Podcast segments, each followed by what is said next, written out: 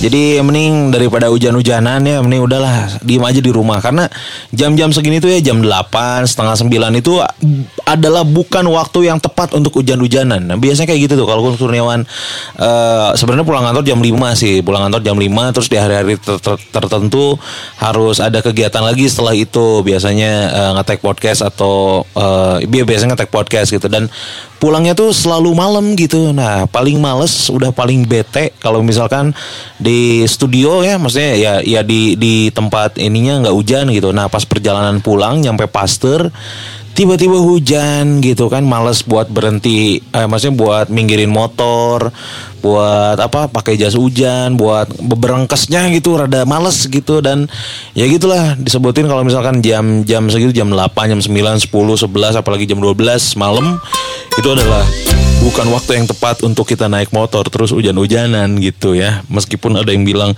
wah hujan-hujanan naik motor di Bandung romantis. Te, te, te romantis. Romantis di mana? Mun sorangan mau mau romantis, bronitis nu aya. gitu. Nah biasanya hujan-hujan gini enaknya uh, udah rebahan di rumah sambil scroll-scroll timeline, sambil cari-cari apa namanya, sambil cari-cari berita. Terus kalau misalkan coklat fresh nih yang cowok-cowok biasanya udah jam segini udah standby depan TV, udah udah uh, nontonin uh, main bola biasanya. Kalau Liga Inggris biasanya udah mulai dari jam jam setengah tujuh. Kick off pertama tuh dari setengah tujuh kalau misalkan hari Sabtu tuh. Setengah tujuh dilanjut lagi pertandingan jam delapan eh setengah tujuh setengah delapan. Ya jam delapanan ya setengah, setengah ya jam delapan setengah sembilan. Terus dilanjut lagi biasanya pertandingan jam sebelas. Nah biasanya kalau malam minggu tuh buat malam minggu cowok jomblo udah udah paling bener nontonin main bola aja Kan Liga Spanyol juga udah mulai, Liga Italia juga tuh. Liga Italia kick off udah mulai dari jam 6 6 maghrib. 6 sore ya. Jadi buat coklat fresh nih yang yang apa namanya malam minggunya bingung mau ngapain, main bola tah paratkeun nepi ka beres.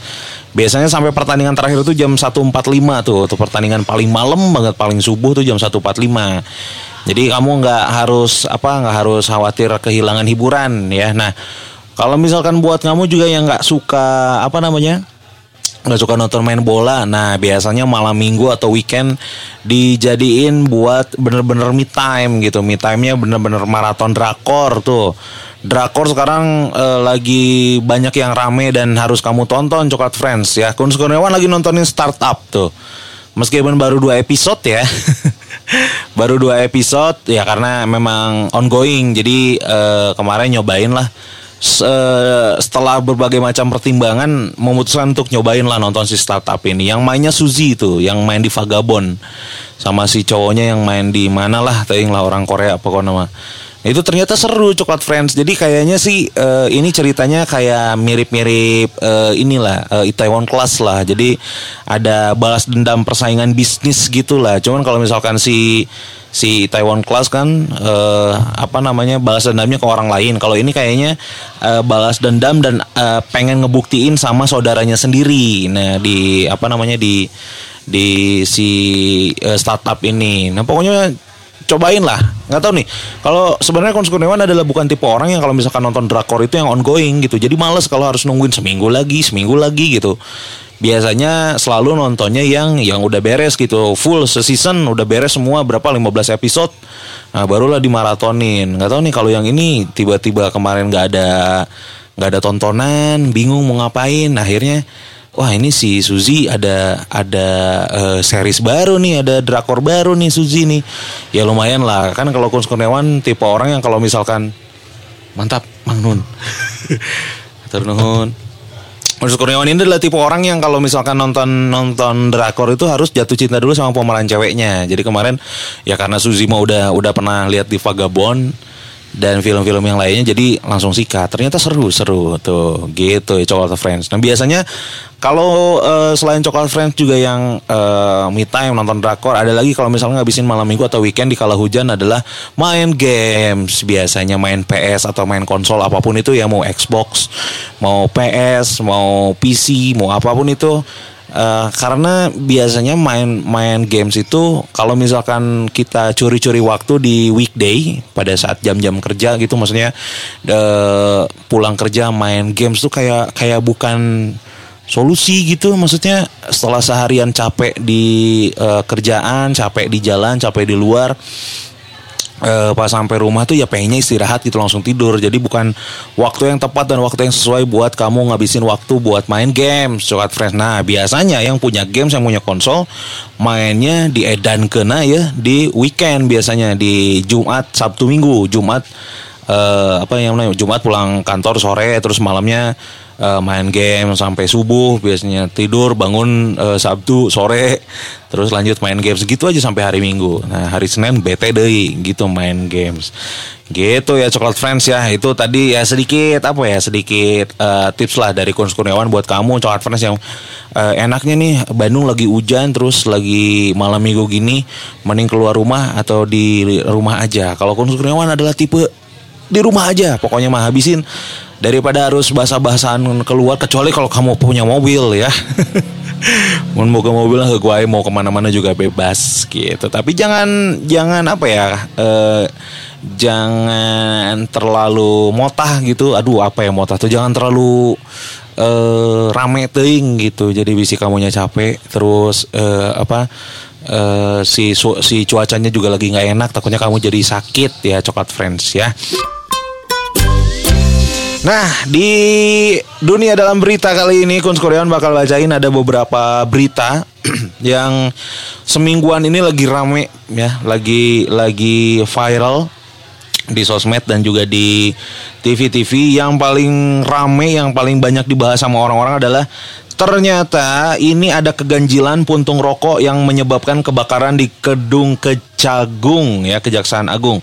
Karena beberapa waktu yang lalu ini dari eh, pihak kepolisian eh, menyatakan bahwa penyebab kebakaran gedung eh, Kejagung ini Kejaksaan Agung ya itu diakibatkan oleh puntung rokok cenah ya. Nah, ini eh, beritanya diambil di Line Today Katanya untuk Bares Krim Polri diminta segera melakukan rekonstruksi perkara kebakaran gedung utama Kejaksaan Agung atau Kejagung.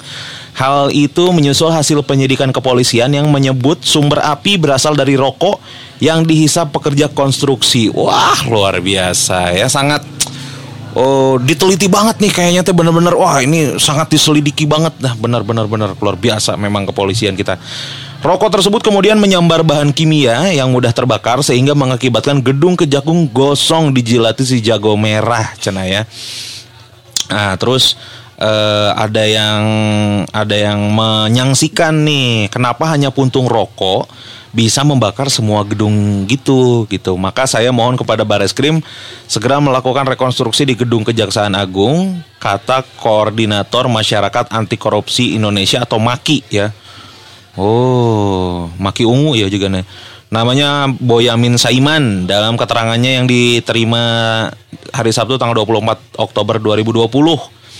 Nah, gitu katanya karena ini si Bapak Boyamin ini mengatakan penyidik dapat melakukan rekonstruksi perkara semisal dari pukul berapa para pekerja mulai bekerja di gedung hingga apa saja yang mereka kerjakan karena sampai titik pada saat adanya kebakaran misalnya puntung rokok bagaimana itu bisa membesar dan apakah memang betul mereka berusaha memadamkan? Nah, kalau memang berusaha dipadamkan, mestinya bisa padam katanya. Jadi kalau misalkan dari puntung rokok doang nih, coklat friends kata Bapak Boyamin ya, ini bukan kata Kunus Kurniawan. Ini me, uh, analisanya ya. Kalau misalkan dari puntung rokok doang, uh, kan kalau misalkan puntung rokok nggak nggak langsung gede gitu maksudnya nggak akan nyebar langsung ke mana-mana. Kalau ini kan si gedung kejagungnya benar-benar kebakarnya dari semua lantai dari semua sudut dari semua ruangan gitu yang yang benar-benar kejadiannya gede pisan. Dan akhirnya uh, ini disangsikan lah kenapa uh, ada statement dari kepolisian bahwa ini hanya dari uh, penyebabnya dari puntung rokok uh, pekerja yang lagi kerja di situ di gedung situ katanya katanya ya.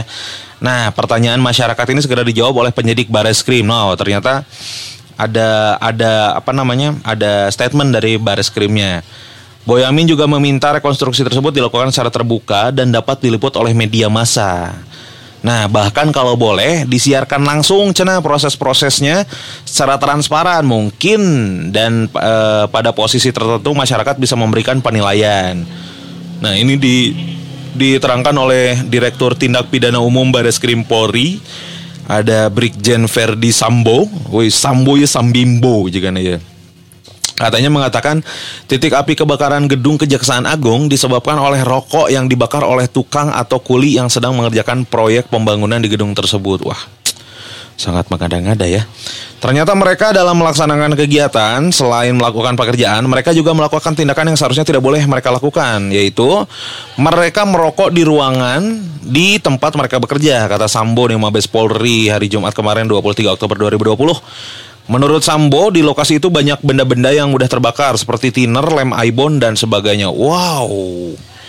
Wow, ya ya ya lem ibon ya. Lem ibon dan thinner disalahkan. Ya oke, ya ya ya ya. Kalau memang betul itu gara-gara puntung rokok, ya ya dibuktikan aja sih. Maksudnya kalau misalkan kalau misalkan e, memang gara-gara puntung rokok doang gitu yang bisa menyebabkan semua gedung dan semua berkas-berkas kejahatan yang ada. Itu coklat friends ya. Ternyata e, katanya e, kebakaran yang heboh kemarin gara-gara puntung rokok gitu gitu coklat friends ini lagi rame juga. Kemarin sih sebenarnya lagi rame uh, video klipnya Via Valen. Nggak tahu ini di Twitter di Instagram lagi rame Via Valen ngejiplak ini ngejiplak video klipnya Ayu. Ayu tuh kayak uh, grup Korea Korea gitulah katanya. Dan oh langsung diserang abis-abisan ini. Langsung diserang abis-abisan nah ini uh, apa namanya Via Valen uh, menjadi bahan perbincangan publik uh, usai merilis video klip terbaru yang judulnya Kasih Dengarkanlah Aku berduet dengan Dirga Dadali. Gokil Dirga Dadali. Gila, gila, gila, gila, gila. Dirga Dadali karya karya terbaru yang menceritakan kisah sepasang kekasih yang saling merindu ini tak mendapat sambutan baik katanya nih Coklat Friends karena Video klip yang tayang di kanal YouTube Askada Musik tersebut dituding menjiplak plek-plekan. Video klip milik artis Korea Selatan Ayu ya Ayu Ayu ya Ayu ya bener Ayu berarti kan. Yang judulnya Above the Time ya. Mulai dari tema yang diangkat hingga setiap adegan yang dilakukan Via dan Dirga hampir semuanya dinilai mirip dengan video milik Ayu cina ya. Dugaan plagiarisme ini sontak menghebohkan war menghebohkan menghebohkan warganet ya Indonesia maupun Korea Selatan. Kabar ini bahkan sudah dimuat di situs AL Alkpop, Alkipop, Alkipop yaitu situs berbahasa Inggris yang khusus memberitakan selebritas Korea Selatan sejak awal. Wah, berarti ini mah udah udah sampai ke Koreanya, Bro. Wah, gokil nih Via Valen nih me mengharumkan nama Indonesia nih. Jadi sejak awal berbagai aspek video musik setelah ditiru dengan sangat erat, alur cerita mirip banget dan bahkan alat peraga yang digunakan dalam film juga serupa. Begitu narasi yang ditulis dalam situs All K-pop. Ya, gitu Via Valen. Dan ini ternyata si si Via Valen juga akhirnya buka suara nih Coklat Friends. Karena uh, dia juga apa nggak tahu katanya. Langsung dia bikin insta stories nih coklat friends uh, bilangnya uh, kayak gini via Valen menegaskan dugaan plagiat tersebut sama sekali tidak ada unsur kesengajaan dari dirinya sebab dia juga nggak banyak tahu tentang video klip artis-artis K-pop Nah, bersama unggahan tersebut, Via Valen juga menuliskan permintaan maaf. Ini katanya gini, untuk Ayu, fans Ayu dan terutama Vianisti, juga pihak yang merasa dirugikan, aku minta maaf soalnya uh, music video terbaru aku yang ternyata memang mirip banget sama MV-nya Ayu karena aku bukan penggemar K-pop secara umum. Jadi nggak banyak tahu soal uh, music video K-pop katanya kebanyakan yang dia lihat cuma Blackpink doang gitu. Jadi intinya Via Valen udah minta maaf sih karena dianya dia juga bilang nih sampai sampai bilang kayak gini kalau misalkan dari awal aku tahu kalau misalkan video klip aku ini uh, sama banget kayak video klipnya Ayu uh, udah pasti 100% bakalan minta ganti konsep katanya. Jujur aku malu banget pas tahu uh, ya Jujur aku malu banget pas tahu aku bakal minta videonya buat di take down dan ini akan jadi pembelajaran ke depannya biar nggak terjadi lagi hal seperti ini katanya gitu. Dan dia juga uh, ini via Valen juga uh, mo mohon maaf yang sebesar besarnya dari lubuk hati yang paling dalam katanya gitu ya coklat friends ya. Nah ternyata nih coklat friends selain selain via Valen di Indonesia ini ada beberapa artis uh, penyanyi lah ya, beberapa artis, beberapa penyanyi yang ternyata diduga ya, diduga uh, diduga atau dituding plagiat. Nah, ini yang pertama ada Aura Kasih. Aura Kasih ini di 2008 merilis lagu Mari Bercinta katanya. Setelah merilis lagu itu, Aura Kasih pun sempat dituding plagiat lagu berjudul Give It uh, Give It To You yang dibawakan oleh Sean Powell. Katanya di beberapa bagian terutama nada lagu dinilai, memiliki kemiripan. Namun Aura Kasih membantah lantaran menurutnya karya yang bisa disebut plagiat itu jika dimulai dari intro, ref sampai liriknya sama, cina gitu. Jadi kalau misalkan cuman bagian refnya aja yang sama, ya itu mah bukan plagiat berarti ya gitu cina. Karena kalau misalkan plagiat itu ini kata Aura Kasih ya, katanya kalau plagiat itu dari intro, dari genjrengan pertama da, terus ref refnya sama banget sampai liriknya sama pisan itu katanya plagiat. Kalau menurut Kun Kurniawan itu mah bukan plagiat. Kalau dari mulai lirik, intro, refrain bukan plagiat. Itu mah cover namanya. Kalau misalkan kamu bikin karya kayak gitu mah cover berarti namanya ya. Itu Aura Kasih. Nah, ada juga Saskia Gotik.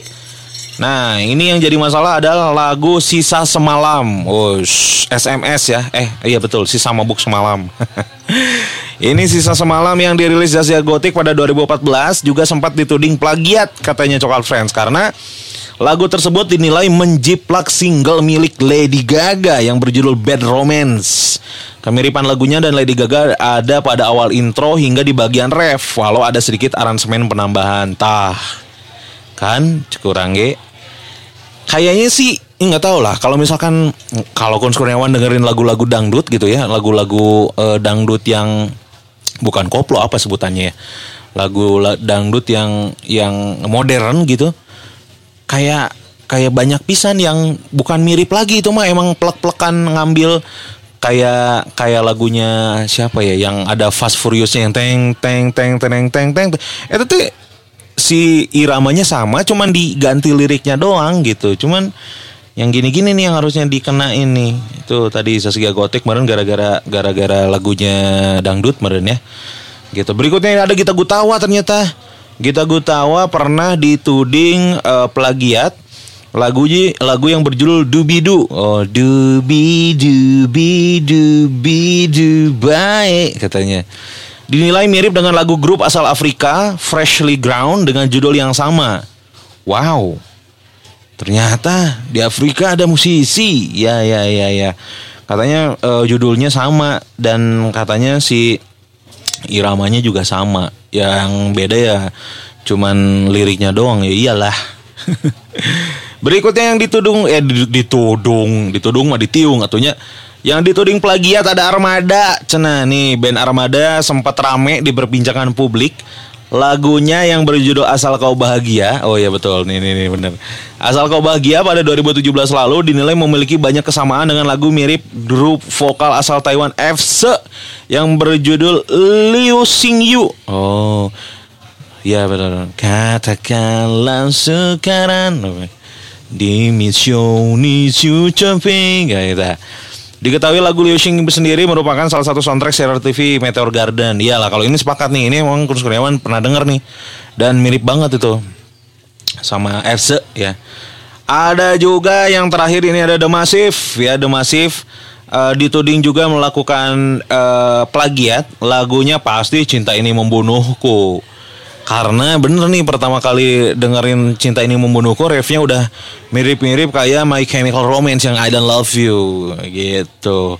Uh, ini sempat jadi rame juga sih karena si single Cinta Ini Membunuhku Ya betul Cinta Ini Membunuhku ini yang yang bawa si The Massive ini bisa jadi segede sekarang kayaknya karena waktu itu lagu Cinta Ini Membunuhku Kunz Kurniawan dengerin di di radio tuh diputar diulang-ulang gitu. Pindahin radio ada demasif lagi demasif lagi sampai rame gitu dan dan emang bener ini bener mirip banget sih bener mirip mirip intronya sih intro intro awalnya.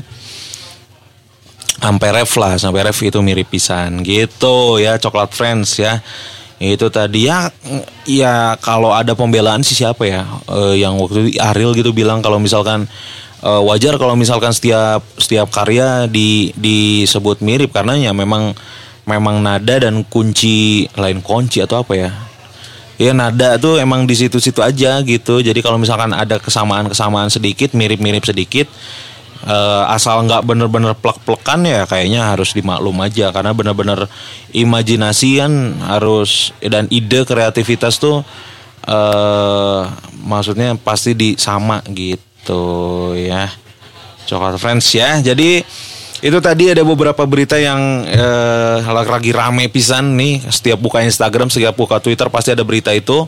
Tadi ada kebakaran gedung Kejagung yang gara-gara puntung cenahnya dan juga uh, Via Valen yang lagi galau gara-gara dituduh uh, video klipnya secara konsep bener-bener sama kayak uh, musisi Korea Selatan Ayu Cina Coklat Friends ya.